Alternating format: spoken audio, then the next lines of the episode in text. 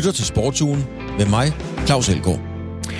Og det gør du, fordi at øh, sporten er så småt begyndt at røre på sig, både hvis man har græs under fødderne, eller måske er mere til asfalt under dækkene. Men der er stadigvæk, kan man sige, langt til de gode gamle dage for så en renaissance, hvad sport angår. Men der er alligevel mange interessante og afgørende ting, som er øh, i gang i og omkring sporten. Tysk fodbold er faktisk kommet i gang på den aktive måde, men med et væld af restriktioner. Dansk fodbold der er også på vej, og her er der mindst lige så mange forbehold, som vil gøre det vanskeligt at få afviklet kampe. Mike Tyson vil i ringen igen, og så ved man ikke rigtigt, om man skal grine eller græde. Mike Tyson er blevet 53 år. Danmarks Cykelunion er økonomisk presset, og det er endda til bristepunktet, og det er selvom DCU råder over en perlerække af internationale stjerner med en verdensmester i spidsen. Håndboldklubben KIF Kolding er på randen af et sammenbrud. Den har vi hørt før, men nu ser det ud til, at det er alvorligt alvor. Det er også alvor, at Fettel, Sebastian Fettel, den firedobbelte verdensmester, forlader Ferrari. Og det svarer til, kan man godt sige, uden at genere nogen, hvis Messi vil forlade Barcelona.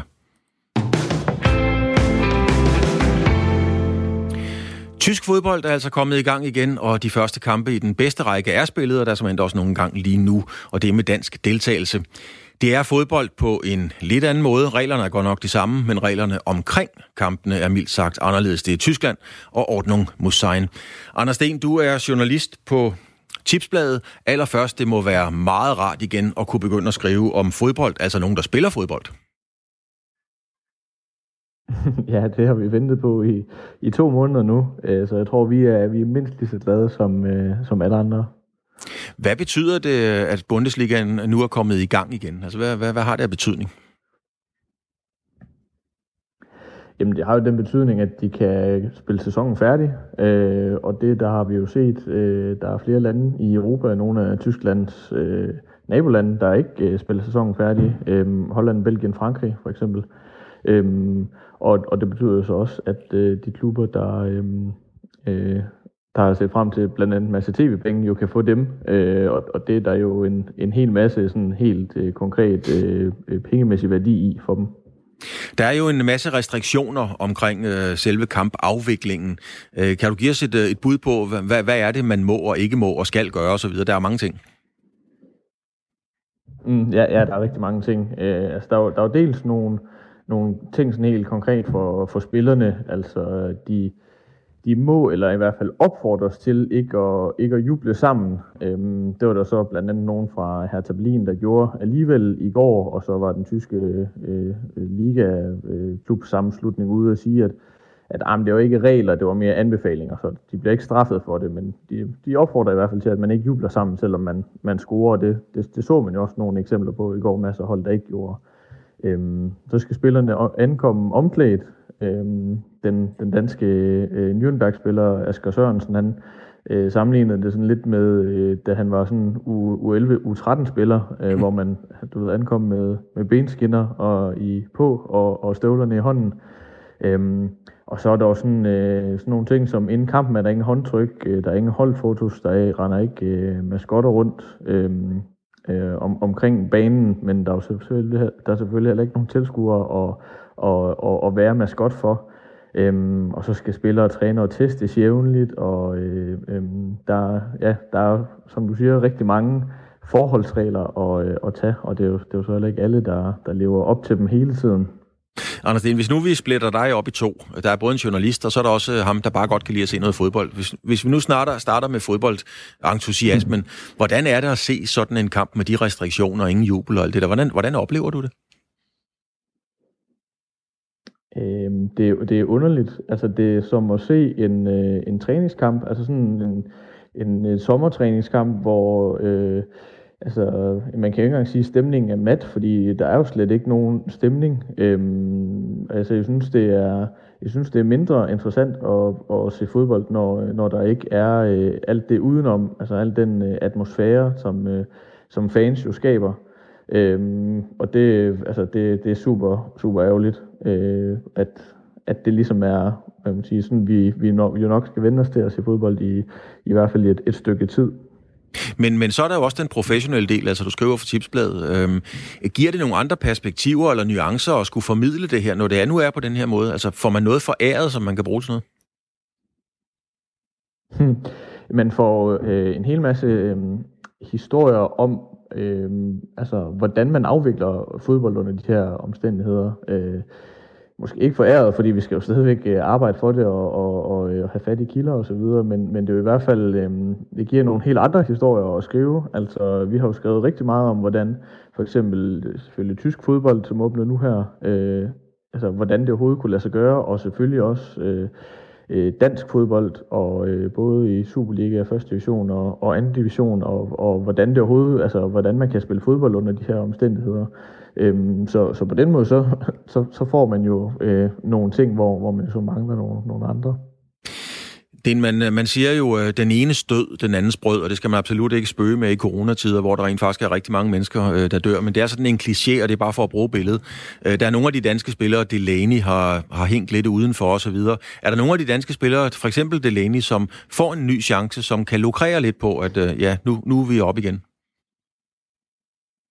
Mm, ja, jamen altså Thomas Delaney er jo øh, næsten det, det bedste eksempel, øh, som jo ikke har spillet en, en gældende kamp, eller ikke havde spillet indtil i går, en gældende kamp, siden øh, Danmark kvalificerede sig til EM i november. Øh, han blev skadet, øh, og, og jo i øvrigt også havde, øh, faktisk lige havde nået at miste sin, sin plads på holdet i, i Borussia Dortmund inden da. Øh, og øh, efterhånden som øh, øh, ja, han, han kom tilbage, så, øh, så gik hele fodbolden på, på coronapause. Øhm, men nu her, når det så åbner op igen, så par hans øh, nærmeste konkurrenter skadet. Øhm, så han fik chancen i går, øh, da, da Dortmund vandt øh, 4-0 over rivalerne i Schalke 04. Øh, så det er jo et, et godt udgangspunkt. Øhm, Josef Poulsen scorede også for, for RB Leipzig. Øh, for, for at nævne en, en anden dansker, som, som i hvert fald baseret på, på den første kamp har, øh, hvad man siger, kommer, kommer med et, et, et glimrende rygsted ind i den, den nye periode med, med fodbold. Og jeg synes endda, jeg så et anførerbind på Josef Poulsen. Ja, lige præcis, lige præcis. Men han er jo, øh, han er også, hvis ikke han er den, der har været i, i RB Leipzig i længst tid, så, så er han i hvert fald en af dem, der har været der længst tid, og, og så vidt jeg husker også øh, kamprekordholder i klubben. Altså, så på den måde, så giver det jo god mening. Hele stemningen i Tyskland omkring det her, altså man er meget påpasselig, og det er klart, om det ikke har delt vandene lige frem, så er der selvfølgelig nogen, der, der, der synes, det er mærkeligt. Et lille kuriøst uh, indspark, kan man vel godt kalde det, det er Heiko Herrlich, der er cheftræner i Augsburg. Mm-hmm. Han har fået karantæne, fordi han, for, han brød karantænereglerne. Han forlod simpelthen sit hotel, gik ned og, og skulle købe noget tandpasta og noget hudcreme. Og øh, der har været nogen frem og sige, hvis det sker igen, så aflyser vi hele, hele baduljen. Altså, hvordan er stemningen i Tyskland generelt omkring, at man spiller bold igen? Mm. Ja, at den, den er jo øh, i virkeligheden øhm, øh, en, en smule del, synes jeg godt, øh, man kan sige, som, som du også selv var inde på. Altså, øh, der er jo i, i ugevis er der nogen af, af, af klubbernes øh, ultras, altså Tyskland har har jo øhm, øh, tradition for at have, øh, altså have ultras, som, som tager rigtig meget stilling til, til sådan, øh, tingene omkring fodbolden. Altså, vi har set dem protestere meget mod mandagskampe, for eksempel. Øhm, det er jo nogle af dem, som er, er de mest øh, indædte forkæmper for 50 plus 1-reglerne, der, der ligesom, hvad man sige, holder den bestemmende øh, øh, aktiemajoritet i klubberne på, på, på medlemskaberne, sender osv. Øhm, de har været rigtig utilfredse med, og, øh, at, at fodbolden ligesom skulle starte op igen uden fans, fordi de, de ser det jo ligesom som øh, altså deres rolle og fansens rolle som øh, altså en, en uundværlig del af, af fodbolden. Øhm, og, og der har jo også været spillere, som har øh, som øh, både har kritiseret hvad man sige, beslutningsudfald, at der skulle spilles fodbold igen, og så har der også været spillere, som i hvert fald har kritiseret processen frem, øh, altså simpelthen øh, sagde, at, at de ikke kunne forstå, at de ikke blev taget med på råd, inden øh, fodboldens øh, øh, spidser besluttede at, at, at starte op igen. Anders Sten, Tipsbladet, tak for orienteringen omkring tysk fodbold, der er kommet i gang. God dag.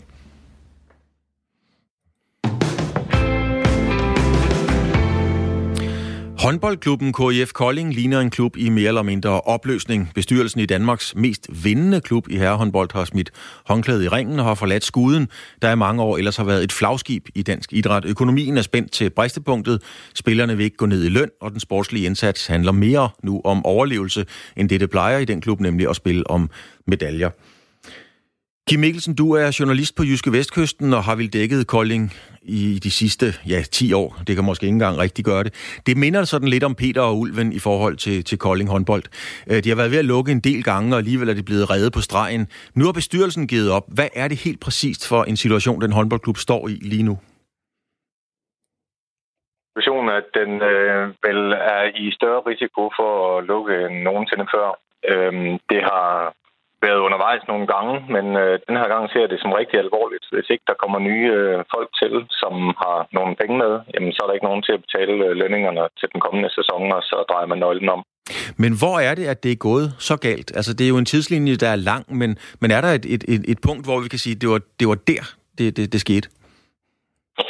Nej, det er, jo, det er jo noget, der har været undervejs gennem mange år, men, men man må sige, at som tingene ser ud nu, så er det øh, nogle få enkelte personer, som betaler langt størstedelen af, af festen i klubben. Det er, det er nogle af dem, der sidder i bestyrelsen, og hvis de ikke øh, i samme grad vil være med til at lægge penge, når der mangler penge, jamen så, øh, så, så kommer der ikke til at være håndbold længere. Så, så det er deres beslutning om at sige stop, vi skal have nogle andre med. Altså Kim, jeg, jeg undrer mig over, øh, det er jo et skib, der sejler rundt øh, uden kaptajn, matroser og styrmand, noget som helst. Hvem, øh, hvem, er egentlig, hvem leder egentlig klubben? Fordi der skal jo stadigvæk laves noget. Ja, det er et godt spørgsmål. Lige nu er der jo ikke nogen, der leder klubben. Øh, alle er sendt hjem. Det er ikke, både, det er ikke bare øh, spillere og trænere. Det er, det er hele kontoret, der er, der er sendt hjem. Så har man en øh, bestyrelse, som jo øh, er dem, som sådan holder i, i tøjlerne, men øh, men det er, jo ikke, øh, det er jo ikke meningen, at det er den bestyrelse, der skal, der skal drive øh, håndboldklubben. Det er, det er nogle dygtige forretningsfolk, øh, pengestærke forretningsfolk, men øh, de, skal ikke, øh, de skal ikke øh, drive håndboldklubben. Det er, ikke, øh, det, det er der ikke nogen perspektiver i. Altså klubben er jo under den her lønkompensationsordning, og lønningerne i, i håndboldklubben er slet ikke i nærheden af det, det var engang. Så de spillerlønninger, og med den kompensation, der er, selvom jeg ikke er revisor, så bør jeg kunne regne ud, at det kan ikke være der, der er kommet et stort økonomisk øh, problem. Nej, det vil jeg heller ikke vurdere, men, øh, men det er jo det er jo ledelsens ord, at øh, den her coronakrise er, er skyld i det her, så, så det må vi jo lade stå til troende. Øh, vi har på Jysk Vestkysten øh, en række spørgsmål, vi gerne vil øh, have svar på, men øh, det er som om, at der er blevet lukket lidt i, når vi, når vi prøver at få fat i dem der. Vi har ikke uh, kunne få øh, svarene på de her spørgsmål, men, men det er jo netop det her med, hvordan kan man så kort hen i en coronakrise komme og sige til, til spillertruppen, at de skal gå 40% ned i løn. Der, der er nogle ting, der ikke helt hænger sammen. Altså, man må have forventet nogle indtægter for den kommende sæson, som man ikke havde papir på. Man må have forventet dem, og så må man have tænkt, øh, som følge af den her coronakrise, at de indtægter får vi ikke alligevel. Det må være det, der er forklaringen. Men altså, spillerne vil ikke gå kollektivt ned i løn. Det har man jo hørt, man har gjort andre steder. Altså, ville det situationen taget i betragtning ikke være rimeligt, hvis spillerne var lidt fleksible den vej rundt? Om det er også vigtigt at påpege, at spillerne vil gerne gå kollektivt ned i løn. Det, det vil de gerne. Øh, spillerne har øh, tilbudt at gå 20 procent ned i løn frem til nytår. Men ledelsen har øh Øh, ledelsen kom med et udspil, som hed øh, 45-50 procent, alt afhængig af, af lønstørrelsen. Øh, og, og det kom så ned på 40 procent, hvor ledelsen sagde, at vi går ikke under 40 procent. Øh, hvis, hvis ikke I går med til 40 procent, jamen så trækker vi os på et ekstraordinær øh, generalforsamling. Og det er det, der er sket, men spillerne vil gerne øh, gå ned i løn og også prøve at finde en løsning på det her. Og måske skal vi lige sige, Kim, at, øh, at nogen sidder måske og tror, at håndboldspillere i den bedste række i en, i en hederkronet klub øh, er forgyldte, men hvis de går 40-50 procent ned i løn, så kan jeg næsten regne ud, så vil der være mange af dem, der rammer noget, der ligner en understøttelse. Ja, det er en meget vigtig pointe, du, du fremhæver der. Altså, de er ikke øh, tilbage i de glade dage om, omkring øh, 2015, hvor, hvor der virkelig var gang i lønningerne i KIF Kolding. Altså, det her er, er spillere, der for de mest vellønnede øh, vedkommende tjener en, øh, en løn, som, som mange øh, almindelige mennesker også tjener på deres arbejde. Og der er altså nogen, der tjener øh, så lidt, at, øh, at hvis de går 40% ned i løn, jamen, så kommer de jo ned på 13.000 kroner om måneden. Det, øh, det er der ikke ret mange voksne mennesker, der, der kan leve af og, og betale regninger for. Hvis man tager KF Kolding historisk, så er det den mest vindende klub øh, på, i herrehåndbold. Jeg tror, de har vundet 12 mesterskaber, og den kan du måske lige fange mig på, men det er også, det, det er der, ja, jo, de har vundet 12 mesterskaber, øh, og de har et godt brand. Har, har klubben simpelthen ikke været dygtige nok til at forvalte og formidle, sælge det brand? Øh, altså, man har jo øh, man har bundet sig... Øh, det her øh, KF KIF Kolding version 2, kan man kalde det, efter øh, årene fra 2012 til 2018, hvor man jo altså, hed KIF Kolding København. Der gør man en stor dyd ud af, og at nu skal man hjem til rødderne, nu skal man hjem til Kolding. Og, og det slog man så meget op på. Øh, fornuftigt, synes jeg, at øh, man virkelig prøvede at fremhæve Kolding. Øh, I Kolding by, øh, øh hvor jeg også er bosat, øh, der blev virkelig talt meget om det her med, nu skal det være byens hold igen. Og der var mange, der, der var imod det her København-projekt og sagde, jamen når I kommer hjem til, til Kolding, så, så står vi klar øh, med sponsorater og det ene og det andet. Den opbakning er bare ikke kommet. Altså, jeg synes fra dag et, øh, den bestyrelse, der sidder der nu, har forsøgt at sælge projektet på, at det er et Kolding-projekt. Men øh, den, den har bare ikke fået den opbakning, som, øh, som der ellers blev, blev skrevet meget højt op om inden. Kunne det, være en, uh, kunne det være en idé, eller ved du, om det kan være en tanke? Altså, vi har jo set det i GOG for eksempel, som var en, en, en magtfaktor, især i kvindehåndbold. De gik konkurs, har lavet et uh, fantastisk comeback, må man sige, og er nu igen tilbage i toppen af dansk håndbold. Vil det være en fordel for KIF Kolding? Gå konkurs, start forfra og, og komme tilbage? Nej, jeg er ikke, øh, jeg er ikke blandt dem, der, der tror på det der med, at det kan være en fordel, øh, som man siger, at komme ned og vinde. Altså, det, det koster en hulens bunke penge og, og komme ned og vende, som man kalder det. Øh, det. Det tror jeg simpelthen ikke på øh, er godt. Men, men det kan jo godt blive enden på det. Øh, det, det, der er lige nu, er, at, at KIF Kolding er som sådan ikke nogen usund forretning, som, som det tidligere har været. Altså, den nye, den nye bestyrelse den nye ledelse har fået øh, afviklet stort set alt gæld i, i virksomheden. Øh, det har de gjort ved selv at, at investere en masse millioner. Det skal man huske på, når man kritiserer ledelsen for det, den gør. Så skal man også lige huske på, at det er altså dem, der har lagt en hel masse penge i det her. Og så er der en øh, masse velvillige øh, personer og virksomheder i, i Kolding og ja, sådan set hele Danmark, som, som, har, som har strøget noget gæld. Så det er egentlig en sund virksomhed at gå ind i nu, og det er ikke bare en sund virksomhed, det er også en sund virksomhed, som har øh, kontrakt med nogle dygtige håndboldspillere til den kommende sæson, som ikke er dyrere end dem, de havde i den forgangne. Kim Mikkelsen, Jyske Vestkysten, du har dækket KIF Kolding. Tak for orienteringen om situationen i klubben. Selv tak. Vettel will get DRS down the red to Raposta. Can he now fight back? Leclerc made it very tough earlier. And for the, oh, oh no, he's got a puncture. They made contact, and Charles Leclerc's got a puncture caused by contact with his teammate Sebastian Vettel. Ja, sådan lyder det, når Fettel og Leclerc de brager sammen. Det var i Brasilien, og det var øh, sidste år. Det er stort, når Ronaldo skifter fra Real Madrid til Juventus, eller hvis vi forestiller os, at Neymar skiftede fra byttet Paris Saint-Germain ud med for eksempel Liverpool. Og det er mindst lige så stort, og mange vil endda sige, at det er noget større, at Sebastian Vettel forlader Ferrari. Vi ved stadigvæk ikke, hvordan eller om øh, Vettel skal fortsætte øh, karrieren. Vettel vandt fire VM-titler i træk. Det var hos Red Bull. Det var fra 2010. I 14 blev han så overgået af holdkammeraten Daniel Ricciardo, og valgte så at skifte til Ferrari. Og så skal Vettel altså ud af den røde racer nu. Thomas Wolf, motorsportsekspert, kommentator, forfatter, en hulens masse omkring øh, motorsport. Firedobbelt verdensmester forlader Ferrari. Det er voldsomt. Hvordan, eller hvad tror du, årsagerne kan være til hans exit? Oh, ja, de, de, de er sikkert mange, og ja, det er voldsomt. Det er uden tvivl en af de helt store profiler, der for lige nu har hængt sin røde køredragt ind i klædeskabet, og måske aldrig nogensinde piller en køredragt ud igen i Formel 1-sammenhæng. Øh, det, der kunne jo måske spekuleres en lille smule, hvis vi skal tage den og puste lidt til den til at starte med det her med, når man bliver overgået af sin teamkammerat. Det skete lidt med Red Bull med Daniel Ricciardo i sin tid, og vi må sige, at vi så en tendens sidste år, hvor at øh, hans øh, nye, det Fælde troede skulle være hans anden kører, men Charles Leclerc jo rejste sig med lynets hast ind i Ferrari og tog en position og udfordrede Sebastian Vettel og jo også mange gange kørt fra ham.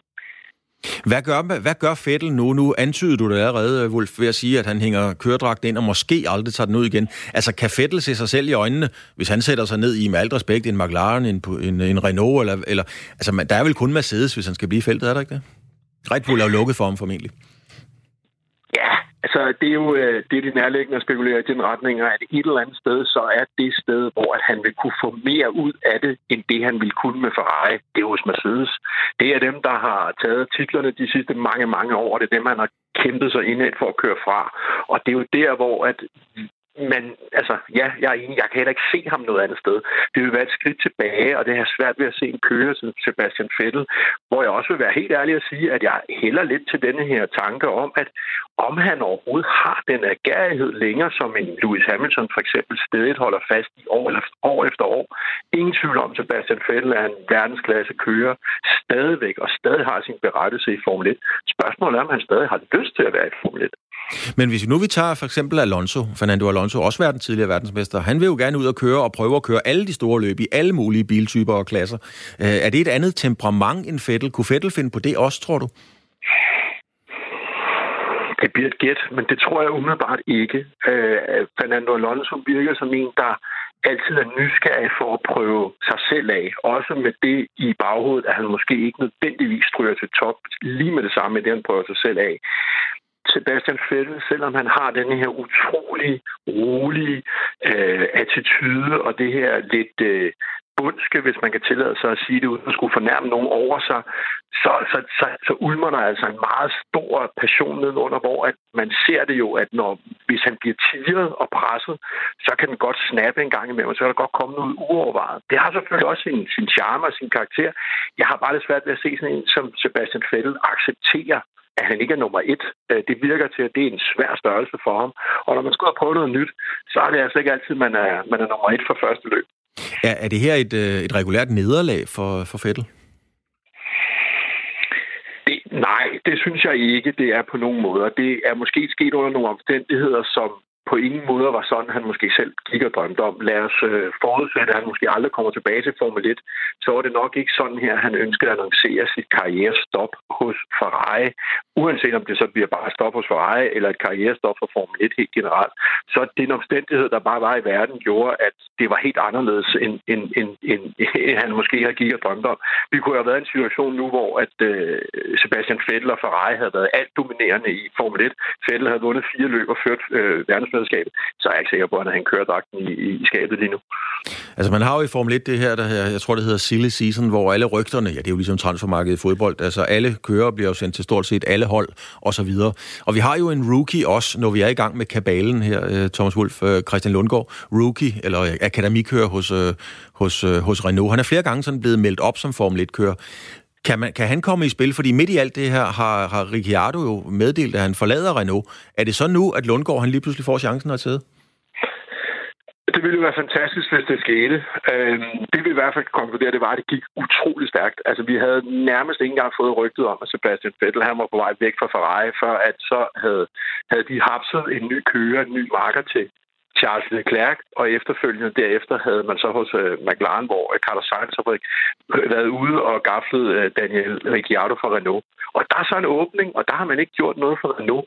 Man kan sige, at Renault er måske også det, at de teams nu i toppen, som er øh, det næst attraktive at være hos. Og de har jo ikke rigtig travlt. De har masser af bejlere, helt sikkert til deres team. Og ja, herinde i alle de her bejlere, der kunne Christian Lundgaard godt ligge.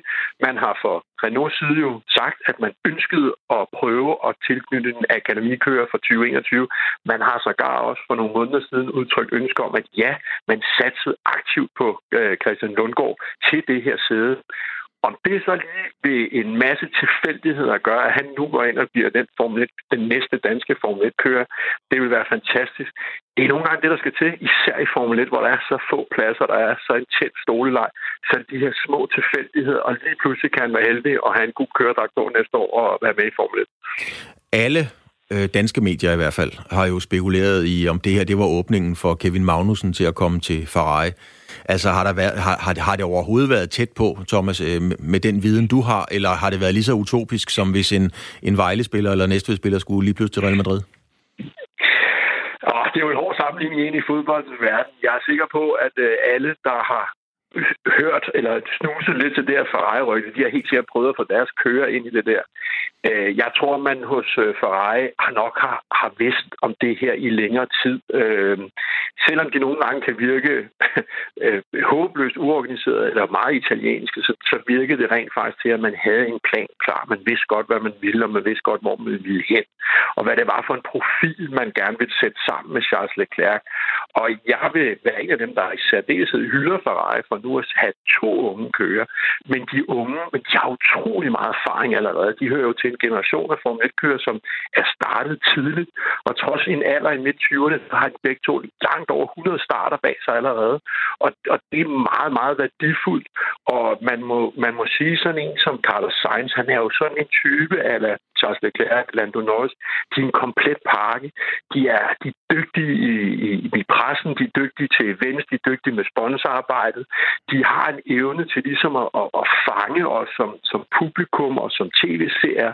Og det er, det, det, der, der tror jeg for ej, jeg tror slet ikke, altså, jeg tror, de var meget bevidste om lige præcis, at det var sådan en type, de gerne ville have fingrene i. Thomas Wolf, tak for orienteringen. Du har folk omkring dig, du skal tilbage til. Tak fordi du har tid til at være med her. Altid, lige måde.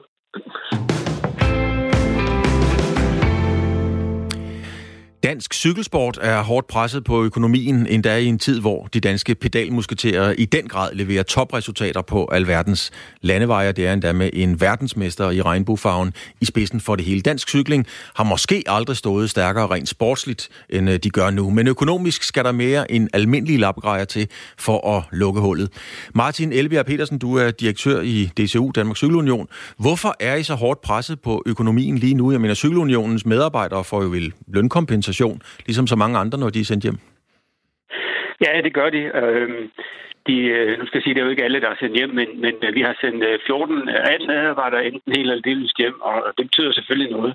Men øh, grunden til, at vi er så hårdt presset på økonomien lige nu, det er, at en stor del af vores indtægter, uh, de kommer fra uh, de cykelløb, der bliver arrangeret rundt omkring i, i Danmark. Uh, de kommer også fra sponsorer osv., så, videre. så hvis, uh, hvis øh, coronakrisen her den ikke snart bliver mere positivt stemt over for at kunne samles øh, flere øh, folk sammen, så, så kigger vi ind i nogle store økonomiske udfordringer. Du nævner selv, eller i hvert fald citeret for i flere medier, at Cykelunionen risikerer et underskud på cirka 3 millioner kroner, og det er selvfølgelig mange penge, 3 millioner kroner. Men altså, det lyder jo ikke uoverkommeligt i så stor en sport på verdensplan, altså øh, hvor Danmark er, er, er dominerende. Altså 3 millioner, er, er, er det så kritisk for jer? Ja, det er det. Altså, nu skal jeg sige, 3 millioner, det er sådan en worst case, øh, hvis, hvis alt øh, ikke, hvis der ikke er noget, der lykkes, og hvis alt, alt går galt. Men, men det er også øh, en, en realistisk mulighed. Øh, 3 millioner, det betyder rigtig meget. Vi har et samme budget i Danmarks Cykelunion på, på 22 millioner. Øh, så kan man godt regne ud, at, at 3 millioner, det, det er meget der. Fordi øh, vi har øh, heldigvis jo øh, rigtig mange cykelrytter, der kører på store professionelle hold med øh, million, øh, 100 millions budgetter, men, men unionens budget er noget helt andet end der, hvor, hvor de gode cykelryttere køres. Så det er heller ikke sådan, at det her det får betydning for... Øh, nødvendigvis sådan øh, betydning for, for øh, Mads Petersens, øh, altså vores verdensmesters indsats over de næste 3, 4, 5 år, eller hvor lang tid han nu har tænkt sig at køre, eller 10. Men det er mere sådan den, den unge generation og de kommende generationer, det, det kan få betydning for, hvis vi skal ud og finde øh, 3 millioner kroner til at, at få balance i regnskabet igen. Vi hører øh, hele tiden øh, sportsledere fortælle, at det er vanvittigt svært at komme ud til sponsorer og så videre og få nogle penge ud af dem. Øhm, ja. Prøv lige at forklare, hvad, hvad er det, de siger til dig, når du kommer ud? Jeg mener, at smide penge i dansk cykling nu, og med den eksponering, der er og omtale, det må da være guf. Men hvad, hvad er det, man siger i den anden ende? Ja, altså, Lige nu er, er der jo øh, er der relativt meget ro på øh, i forhold til at bruge penge, fordi der er så stor usikkerhed om, øh, hvad sker der med, med den her øh, coronakrise? Hvornår kommer julen i gang igen? Øh, hvor, hvor hurtigt kommer de i gang igen? Så det vil sige, de fleste af de sponsorer, som øh, vi snakker med, og som vi skal til at lægge øh, måske nogle flere penge, de, øh, de er jo bange for fremtiden. De er jo øh, usikre på, øh, hvad de selv skal leve af. Øh, og så er det første, man gør, det er jo ikke at komme, øh, komme penge i, i, i den cykel sport, selvom, selvom vi har et godt uh, brand, og selvom vi har rigtig, uh, måske aldrig haft så gode resultater, som vi har lige nu. Nogle gange så, øh, så kritiserer man jo rytterne for, at de kørte ikke deres chance, eller de var der ikke på dagen og så videre, man havde dårlige ben. Hvad med jer? Har I været, altså jeg mener, I har et super stærkt produkt, I har nogle topprofiler, I har nogle af de bedste på landevejen overhovedet. Har I været dygtige nok til at sælge det her? Ja, det kan man jo altid diskutere, om vi har. Øh, men det hører også med til historien, at rigtig meget af det her, øh, den her økonomi, vi kommer til at mangle, den får vi ved at arrangere cykelløb. Og lige nu kan vi ikke komme til at arrangere et cykelløb. Det vil sige, at, at den økonomi, som vi havde forventet, og som vi ved, vi får hver eneste år, øh, den kommer simpelthen ikke ind, fordi øh, de danske cykelløb bliver ikke arrangeret. Øh, og det kunne, det, kan sige, det kunne vi ikke have forudsagt. Øh, det er der ingen, der kunne have forudsagt. Det er ikke sådan, at der skal peges fingre af nogen. Øh, det er jo bare den her helt øh, usædvanlig situation, at vi står i, som har, som har bragt os ud i den. Øh, og i forhold til sponsorer, jamen, det kan vi jo hele tiden blive bedre til, men, men det er bare ikke, og det var det jo heller ikke inden krisen brød, et, et nemt marked, hvor man bare går ud og siger, vi har, vi har en god cykelrytter, I skal lægge nogle flere penge. Vi har nogle rigtig gode sponsorer, som heldigvis også holder fast i os øh, øh nu, også i den her svære tid. Der er vi begunstiget, men, vi, men det er svært at finde nye, som kan dække det hul, som vi så får væk og kunne arrangere cykeløb. Lige til allersidst, altså der er jo Danmark rundt, som stadigvæk står hen i det uvisse, med mindre der er blevet besluttet noget, øh, som jeg ikke ved i hvert fald. Øh, er det løb ja. afgørende for unionens overlevelse? Ja, altså det er jo øh, det er i hvert fald en del af, når jeg siger 3 millioner kroner, så er det jo en del af, at vi har et, øh, et kalkuleret og forventet overskud på over en million kroner på, på, på Snor Danmark rundt hvert år. Og øh, hvis det ender med, det håber jeg virkelig ikke, men hvis det ender med, at det cykeløb bliver aflyst, jamen, så er det jo en del af den øh, øh, kriseøkonomi, vi, vi kigger ind i. Martin Elbjerg Petersen, direktør DCU Danmarks Cykelunion. Tak for orienteringen omkring den økonomiske situation i, for, i, i Cykel Danmark. God dag. Selv tak i lige måde. Hej.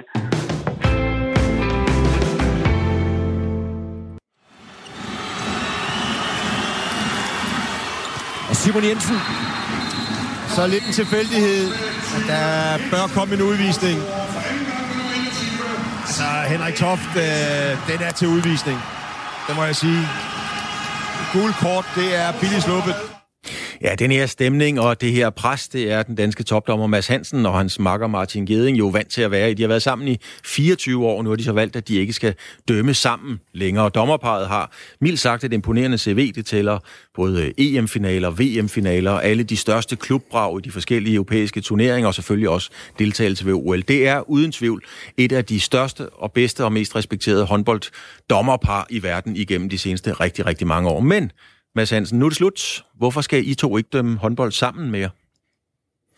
Jamen, øh, det er der øh, sådan set mere eller mindre kun én årsag til, og det er, at øh, vi var ikke længere i en kategori, hvor vi kunne øh, fortsætte med at kvalificere os til øh, hverken VM eller OL.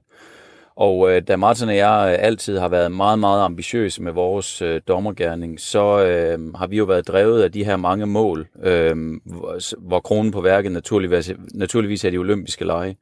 Og da vi fik meldingen fra det internationale håndboldforbund i forhold til, øh, i forhold til vores status, jamen så var, så var valget ikke så svært. Hvordan, hvordan får man den melding? Altså er det ligesom at rykke ud af en Superliga, havde han sagt? Øh... Ja, det kan man sige. Altså, nu foregår det jo så på den måde, at øh, der bliver rettet henvendelse til det danske forbund, øh, og, øh, og, og derfra er det så blevet kanaliseret videre til os. Øh, så det er sådan set bare den måde, det er foregået på. Hvordan er det så nu? Øh, nu er beslutningen, kan man sige, efter 24 år og nogle kæmpe store finaler, nu er den faldet på plads inde i dit hoved og hele din organisme. Hvordan har du det med beslutningen, Mads, i dag? Jamen altså, øh, det har været... Øh det er også sagt øh, af nogle omgange, det har været utrolig svært, fordi at øh, det her har jo været meget andet end et, end et dommer-teamwork. Øh, det har jo lige så meget været et øh, næsten livslangt venskab. Så derfor er det selvfølgelig et øh, helt særligt kapitel, der bliver lukket. Men, øh, men når det er sagt, så har, jeg det, øh, så har jeg det selvfølgelig rigtig godt med, at vi øh, ligesom er kommet om på den anden side af det, og vi har fået truffet en beslutning, øh, hvor vi begge to har en mulighed for at komme videre øh, med, den, med den faglige del, som jo er det at stå inde på håndboldbanen. Nu sagde du, at I var kommet ud af den her kategori, øh, hvor, hvor I kunne få det. Men når, øh, hvis herrelandsholdet eller damelandsholdet, som nu måske har en nedtur, så må man sige til dem, øh, så må I tage jer sammen og komme op på hesten igen og, og få øget af noget mere. Kunne I ikke gøre det samme og arbejde jer tilbage i den kategori? Nej, det kunne vi ikke. Øhm, altså man kan sige, at Martin og jeg har jo været med i øh, så mange store turneringer, som du også lige øh, nævner indledningsvis. Og øh, og der har udmeldingen simpelthen været den, at øh, det var ikke noget, vi kunne arbejde os øh, tilbage til som, øh, som team. Øhm, så derfor så er den her definitive beslutning truffet. Du har været citeret flere steder for, at det var din beslutning, og det er også helt fint, og måske er det i virkeligheden ikke så vigtigt, hvem der har truffet beslutningen. Men nu skal du ud og finde en ny makker, og jeg formoder, du vælger ikke en, Mads Hansen, der lige har fået et dommerkort. Hvordan finder man en makker, der bare matcher dit niveau til nærmelsesvist? Ja, men sagen er jo den, at, øh, at, at det jo ikke, det svarer jo ikke til at gå ind i Bilka og tage ned fra hylderne. Øh, så derfor er det jo ikke min egen beslutning. Øh, det er jo en beslutning, der bliver truffet på baggrund af, hvad det internationale håndboldforbund ønsker, og derudover selvfølgelig i, i allerhøjeste grad, hvad, hvad Dansk Håndboldforbund har tanker. Og, og, og det, er, det er givet en, en situation, der vil falde på plads, håber jeg, her i løbet af, af de næste 14 dage, vil jeg tro. Men så skal du til, eller I skal til at bevise jer, fordi selvom man har dit CV, og du får en marker, som øh, måske også er en, en respekteret dommer, eller det får du jo helt sikkert, så skal vi, I vil stadigvæk på en måde ud at bevise jer i de første par sæsoner, at I har det i jer og kan dømme sammen. Ja, i den grad, og, øh, og, og det er klart nok, at, øh, at, at det bliver selvfølgelig en trykprøve, øh, og, øh, og, og, og på trods af, at, øh, at jeg har været med til mange ting, så er det jo en helt ny udfordring og nogle, nogle helt nye muligheder, der åbner sig. Så, og, øh, og, og der er jo mange ting, der starter forfra. Så, øh, så, så der, der ligger rigtig, rigtig mange spændende timers arbejde forude, øh, som jeg glæder mig rigtig meget til at tage hul på, fordi det er jo et, er et nyt kapitel. Altså det her, det er jo, øh, som vi også har været citeret for tidligere at sige, så er det jo næsten et sølvbrøllup. Og, øh, og der er jo en masse vaner, og der er en masse ting, som bare ligger fuldstændig latent og indgroet. Øh, og der er selvfølgelig nogle ting, som jeg i den grad også skal til at, at arbejde med, når jeg, øh, når jeg kommer til at indgå i et nyt team. Hvad er så øh, ambitionen? Altså, øh, er, er det en OL-finale? Er det den, I ikke har nået? Er det det, der er helt humlen det her? Nej, men altså man kan sige, at, at mit ambitionsniveau, det, det, det ligger jo både øh, på en vej øh, hen til et mål, og så ligger det selvfølgelig også i nogle store mål, som ligger øh, forhåbentlig og venter forude, og og mit øh, største ønske, det er jo øh, fortsat at, at være i spil til øh, at være en del af både øh, EM, VM og, og, og selvfølgelig også øh, OL, som, øh, som jo både skal nu af forskellige årsager rykket til 2021, men måske også, øh, også det, der skal afvikles i Paris om, øh, om, om lidt mere end tre år. Øh, om der ligger nogle finaler og venter, det, det er måske næste skridt på vejen. Nu handler det lige om at kvalificere sig til de store turneringer først. Mads Hansen, jeg kan godt afsløre øh, for lytterne, at vi to har lavet en aftale om, at vi skal mødes her næste uge. Så skal vi lave øh, det program, der hedder Fremkaldt, som er et 55 minutters samtaleportræt-program, øh, øh, eller 50 minutter. Øh, og der skal vi jo tale om alle de her ting. Men lad os bare tage hul på, på en af tingene. Når, når, når nu du skal finde en ny makker, er du så selv med til at bestemme, eller får du en helt ned over hovedet, sådan sagt med kærlighed? Og kigger man også på, ikke bare om, om, om vedkommende kan se, om der er overtrådt, men også om man kemisk fungerer sammen. Hvad, hvad er det for nogle kriterier, man kigger på? Ja, men der er, jo, der er jo rigtig, rigtig mange ting, der spiller ind i at sammensætte det rigtige team. Og, øh, og, og det er klart nok, at, at den, aller, den allerførste forudsætning, der i hvert fald skal være på plads, det er jo, at man overhovedet har øh, den, den fornødne licens til at være en del af både det europæiske og det internationale arbejde. Øh, det, det svarer jo lidt til, at, at jeg kunne jo godt have et, et ønske om at kunne, kunne køre en lastbil, men hvis jeg kun har kørekort til en, en personbil, så hjælper det knap så meget, at jeg har nogle ønsker om noget andet. Øh, så det er jo i virkeligheden den første præmis, der skal være opfyldt. Derudover så, øh, så kigger man naturligvis også på, øh, hvordan, øh, hvordan det vil fungere sådan ren øh, personlighedswise. Fordi at øh, en ting er jo, som du så også selv er inde på, det er, at man kan se, om der er overtrådt, og om spilleren de har taget tre eller fire skridt. Men det er ikke det, der er det afgørende. Det er afgørende for, at det her samarbejde det kommer til at fungere. Det er jo, at, øh, at den, som jeg kommer til at dømme sammen med, også er i stand til både at supplere og komplementere mig. Så, så derfor er der, er der selvfølgelig rigtig, rigtig mange ting, der ligesom skal, skal falde ind på de rette hylder, for at det her samarbejde det går hen og bliver en succes. Mads Hansen, øh, tak fordi du har tid til at være med. Jeg glæder mig til, at vi kan sælge fremkaldt med dig på næste lørdag. Fortsat god søndag. Tak Claus, det glæder jeg mig også til. Første division i fodbold er også ved at være klar til at komme på græs med alle de restriktioner, der nu engang er omkring afviklingen af sådan en kamp. Og samtidig så skal spillerne øh, testes jævnligt for corona, og det vil ifølge Tipsbladet komme til at koste ca. 300.000 kroner for en klub at gennemføre de test. Stig Petersen, du er direktør i FC Fredericia, der ligger som nummer 3 i første division, og jeg er helt sikker på, Stig, at du glæder dig til at komme til at spille fodbold igen, men du har også nogle bekymringer, og nu kender jeg dig. Du er normalt ikke en bekymret mand af udtryk i hvert hvert fald. Hvad er det for nogle omstændigheder, der kan gøre dig, skal vi sige, betænkelig? Jamen, altså, selvfølgelig er vi bekymrede øh, for, forstået på den måde, at det er jo helt nyt for os, at vi skal, skal spille under de her øh, forhold, øh, som, som vi skal i, i den kommende tid. Men jeg vil gerne understrege, at vi er rigtig glade for at, at komme i gang, og, og, øh, Jamen altså, vi kigger jo ind i, i, en, uh, i noget, vi aldrig nogensinde har prøvet før, og, og, og det er da sådan lidt ubetrådt land, hvis man kan sige det på den måde. Prøv at komme med nogle eksempler på, hvad det er for nogle omstændigheder, der kan gøre dig betænkelig eller bekymret. Nå, altså, du, du nævnte jo selv lige før, at, at, at, at bare alene økonomien i det her er jo en voldsom omgang. 300.000 for en Nordic Bet klub, det er mange penge, og, og det er en dyr historie, men men det er også en nødvendighed, hvis vi skal kunne gennemføre kampen, så det accepterer vi selvfølgelig, men det er der en, det er der en økonomisk bekymring, vi skal have med øh, fremadrettet i, en, i øvrigt i, i et marked, vi ikke kan ret meget til endnu, øh, øh, i forhold til sponsorer og så videre, i forhold til, når vi kommer igennem den her coronakrise. Det næste, det er så, at, at øh, og det, det går sådan lidt mere på, på hvad kan man sige, øh, spillernes, øh, hvad kan man sige, øh, rammer for at spille de her kampe, og øh, hvad kan, vi har... Øh, jeg synes, der er nogle problemer i forhold til at afvikle kampene, øh, i forhold til, at vi ikke kan komme i bad, vi kan ikke klæde om på stadion. Øh, og som jeg har nævnt på et tidspunkt, det her med, at hvis en spiller nu forholdsvis tidlig i en kamp i dårlig vejr bliver skiftet ud, så skal han jo, som det er lige nu, i princippet sidde på tribunen, indtil vi andre har spillet færdigt. Og så skal han sammen med resten af truppen i øh, det er muligt, at vi kan skifte tøj på tribunen, men, men, men vi skal i hvert fald uden at gå i bad ud i, i bussen, og så skal vi transporteres øh, direkte hjem derfra, eller måske finde et alternativ et eller andet sted i forhold til at få et bad og så videre. Og der, det er nogle bekymringer, som vi jo ikke har prøvet før, og det, det, det med siger jeg ikke, at det ikke kan lade sig gøre.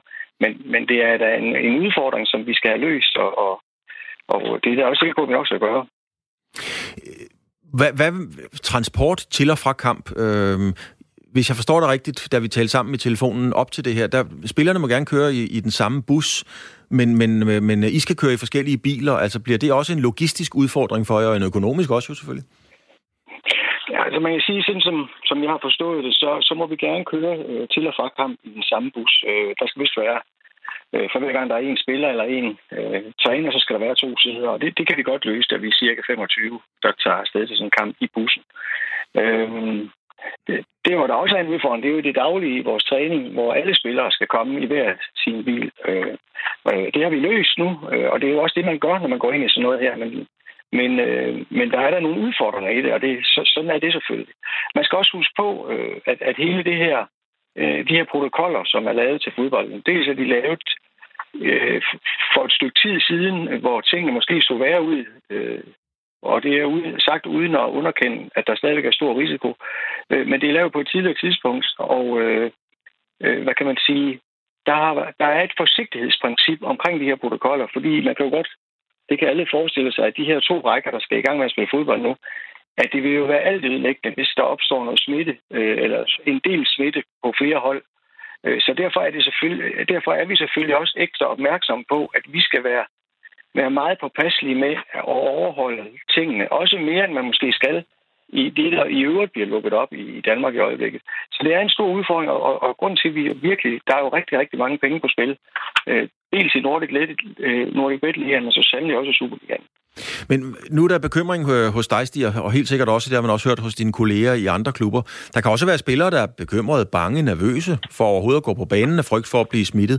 Hvad er egentlig jeres politik omkring, øh, omkring den den, øh, skal vi sige, den udfordring? Jamen altså, øh, nu kan jeg sige, at vi er gået i gang, og vi har øh, haft øh, talt med vores spillere osv., og, og det, er, det er ikke umiddelbart et problem, men det, øh, det er klart, at, at det skulle der være en enkelt medarbejder, der, der ikke føler sig tryg i det her, så, så skal vi jo have løst det, og, og det giver jo ikke nogen mening at sætte en fodboldspiller på banen, hvis vedkommende er utryg. Det, det, så må man hellere vælge en anden. Og, og, og sådan er vores indstilling egentlig, at, at, at vi vil altså, jeg er sikker på, at vi øh, at det ikke bliver et stort issue, men, men selvfølgelig kan der opstå et enkelt problem, og så løser vi det for den enkelte spiller, så, så, så vedkommende ja, ikke skal bringes ud i nogen, noget, som han er, han er utryg i. Stig Petersen, hvad, hvad er egentlig proceduren? Og jeg ved godt, det er ikke dig, der har lavet proceduren, så nu, nu spørger jeg dig bare. Det er ikke nogen kritik af hverken Fredericia øh, eller dig. Men altså, en spiller, I skal jo testes. Så bliver en spiller testet mandag eller tirsdag, for eksempel. Så skal der jo trods alt komme noget svar, og man kan være til træning i mellemtiden, osv. Hvad er proceduren omkring test, og hvis en spiller bliver testet positiv, hvad sker der så i klubben? Ja, altså, nu har vi, øh, vi skal spille en træningskamp på, på fredag i Esbjerg. Øh, og, det gør, og, det, og det koster en ekstra testning, ud over de testninger, der skal være op til alle øh, hvad hedder det, turneringskampene. Og, og det koster vel omkring 25.000 kroner, tror jeg, for, for, for os at afvikle sådan en træningskamp. Og det er rigtig mange penge, og det er også flere penge, vi normalt kunne drømme om at bruge på en træningskamp. Men omvendt så har vi brug for at prøve det her øh, princip af, så, vi, så vi, når vi nu står til første turneringskamp, så er vi sådan lidt mere klar over, hvor, hvor det spiller og træner, hvad er det for noget, det her, vi kigger ind i. Og det, der skal ske, det er, at vi bliver testet på tirsdag. Og så mener jeg sådan, nu er det ikke nu er vores fys, der ligesom har hånden på, på kogepladen med alle de her øh, tests og så videre. Men, men jeg mener, at vi får, får øh, svar i løbet af torsdagen. Og i mellemtiden har vi trænet. Øh, det forstår jeg godt, du spørger ind til, men det har vi. Men altså, vi, det der så er i det, det er at skulle der så være en enkelt, der er, der er testet positiv, så skal det komme jo, øh, hvad hedder det, isoleres. Og det er jo noget med noget, der ligner syv dage og uden symptomer og sådan noget. Men altså det, der er i det, det er, at alle spillere hver eneste dag, inden vi møder til træning, der rapporterer de temperatur ind, og så er der en 6-7 spørgsmål, vi skal svare nej til i forhold til nogle øh, risici. Og kan man det, så møder man op til træning. Hvis man ikke kan det, så bliver man hjemme, indtil man er testet igen. Og lige til sidst, øh, Stig, ja. er, er der noget øvre loft? Altså, jeg mener, man kan jo godt... Der er lige kommet et telegram i disse minutter på, at der er 21 mand smittet på sygehuset øh, i Vejle på en afdeling, øh, urinkirurgisk afdeling. Der kan også komme nogen, der bliver smittet ned hos dig eller en hvilken som helst anden klub. Er det sådan, at hvis der mangler fem spillere eller tre spillere, så kan man få kampen udsat igen, eller hvad siger man der? Ja, altså det, det, det, det tror jeg ikke, der, det, det bliver der ikke lavet nogen faseliste på. Øh, der er nogle muligheder. Det er også derfor, når Bælligen går i gang allerede den 31. Øh, maj. Vi havde mulighed for at skubbe rækken en, en, en 7-10 dage mere, men så vil det blive for presset, og det, det har man jo blandt andet gjort øh, er det, øh, i forhold til, at der kan være en enkelt kamp, øh, der skal skubbes. Og der kan også være to. Men det siger sig selv, og, og, og vi forventer jo ikke, og det er også derfor, vi går i gang, vi forventer jo ikke, at det bliver et kæmpe problem. Øh, og netop på grund af de her protokoller, som er, er virkelig detaljeret, og i øvrigt et fantastisk stykke arbejde, der øh, der, der forventer vi ikke det her problem, men selvfølgelig kan det opstå. Øh, vi havde også en episode i Vejle her i søndags, den. Der var en enkelt smittet, og det, det fik man så isoleret og fik løst, og, og, og, og det er jo sådan, det fungerer, og det er jo derfor, vi bliver testet. Så jeg tror, altså, jeg tror, og jeg føler mig også overvist om, at vi ikke vil se et, et, et, et, lige pludselig et voldsomt udbrud, men vi skal bare sige, at det kan ske, fordi at sygdommen er lumsk. Stig Petersen, direktør FC Fredericia. Tak fordi du har tid til at være med her søndag eftermiddag. Ja, selv tak. Ladies and gentlemen, please welcome the youngest man ever to hold the heavyweight title, the former undisputed heavyweight champion of the world, introducing the one and only Iron Mike Tyson. Ja, sådan lød det i de gode gamle dage, når Mike Tyson, Iron Mike, planetens ondeste mand, øh, kom i ringen. Og nu er han som ved at gøre comeback i bokseringen i en alder af, hold godt fast, 53 år. Der har allerede været nævnt forskellige modstandere, også Evander Holyfield, den tidligere verdensmester firedobbelt i øvrigt, er begyndt at snøre handskerne. Real Deal Holyfield, ja, han er en års unge på 57 år. Mike Tyson trak sig til ikke tilbage som øh, uovervindelig, slet ikke tværtimod, kan man sige. Han tabte både til Danny Williams og Kevin McBride, der på ingen måde får en plads i boksehistoriebøgerne. Og med alt respekt, så var de ikke i en klasse, der på nogen som helst måde berettigede dem til bare at være i den samme ring som Iron Mike. Og sådan her lød det, da Tyson tabte til McBride. It's over now. It's over. Kevin McBride is the winner. Mike Tyson quits on his skull. He's not coming out for the seventh round. It's all over. Kevin McBride has defeated Mike Tyson. Og Mike Tyson var på alle måder en færdig bokser efter den kamp. Iron Mike bliver siddende på kanvassen, han læner sig op af tårne, inden han bliver siddende på stolen i hjørnet. Øh, trumlet ned af en modstander, der normalt aldrig ville få en chance som sparringspartner mod hverken Tyson eller Holyfield. Brian Mathisen, du er bokseekspert, boksekommentator, og frem for alt så elsker du boksning og har i øvrigt selv trænet en lang række profbokser. Hvad mener du om et comeback til Tyson?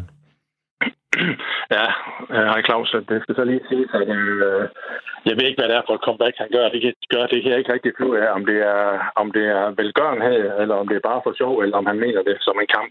Hvis det er en kamp, og han mener, at han seriøst vil gøre comeback og begynder at bokse om, om noget, øh, for eksempel titler osv., så, så synes jeg, det, det, er en, det må være en april snart. Men hvad tror du selv? Fordi der er jo meldt modstandere op og så videre. Hvis man laver en comeback-kamp mod nogen, som resten af verden i øvrigt ikke kender fra Australien, så er der jo ikke meget velgørenhed over det. Nej, det, det er også det, jeg, jeg kan ikke rigtig finde hovedet og i det, men enten end at jeg, der har lavet en flot poster, hvor der står Holyfield Tyson nummer 3. Så, så øh, de er der ved at bage op til den.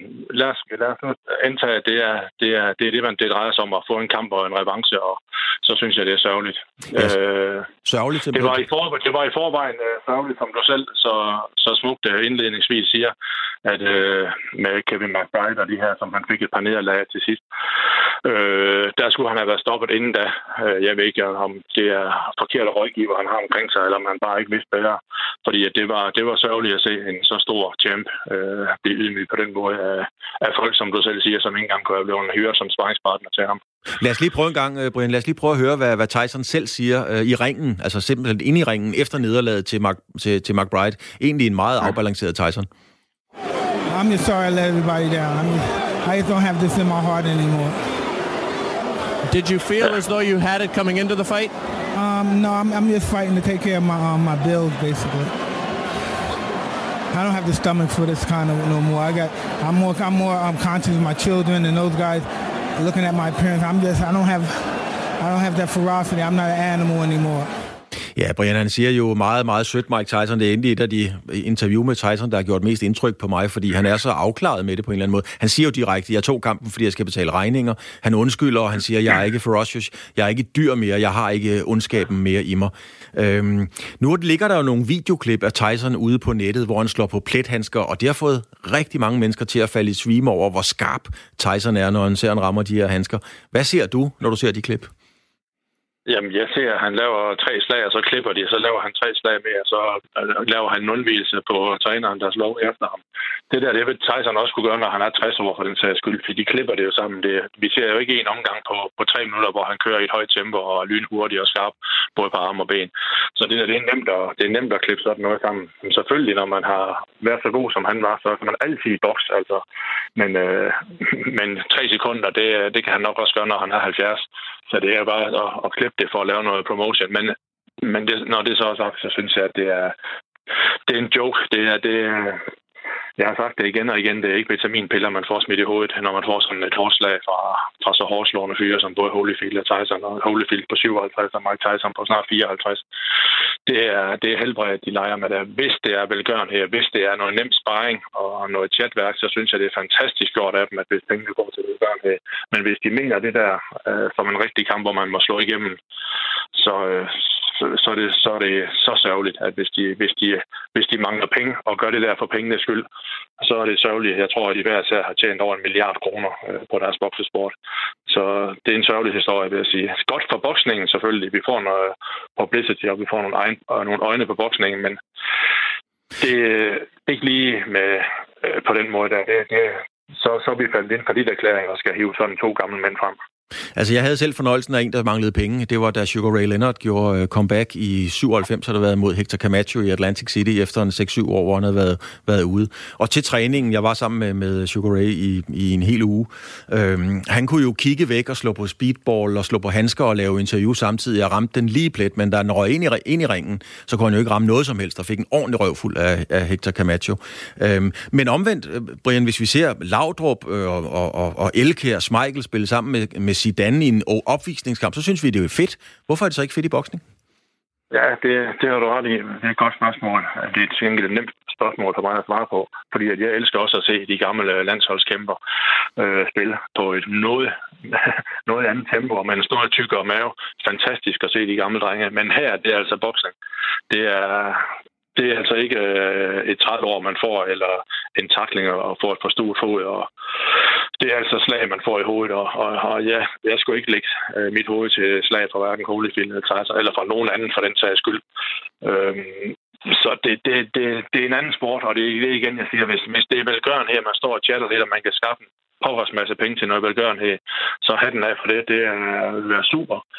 Men i og med, at det også, øh, så vidt jeg har læst mig til, så foregår det i Dubai, hvor der er godt med, med oliedollars dernede, og så er der sikkert en masse penge i det der, og hvis de har lukket dem til at hoppe i ringen og tage en kamp øh, for en masse penge, så synes jeg, det er sørgeligt, at, at det, jeg forstår godt, hvis de mangler penge, og de sætter selv på spil. Det, det, er sgu der, det må de selv om men det er sørgeligt, at de, de er i den øh, forfatning nu, hvor man skal til at bokse for penge, når man har tjent så mange penge, som de har.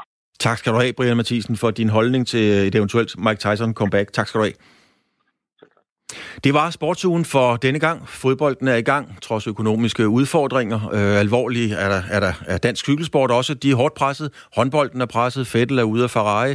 Øh, og her hørte vi altså så boksekspert Brian Mathisen fortælle om øh, Mike Tysons mulige comeback.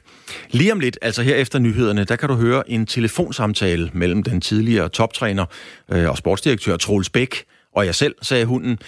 Det er egentlig en helt privat telefonsamtale, men nu kommer den altså i radioen, og det er naturligvis med Troels Bæks velsignelse. Man kan roligt sige, at det er en ret ny måde at lave radio på. Det er slet ikke sikkert, du kan lide at høre det, men øh, giv det en chance, for efter 55 minutter, så er du kommet meget, meget tættere på Troels Bæk og meget intimt i nogle passager. Du, han, du møder ham i det betænksomme øje, øje, øje, hjørne, det mundre hjørne og bestemt også det filosofiske hjørne.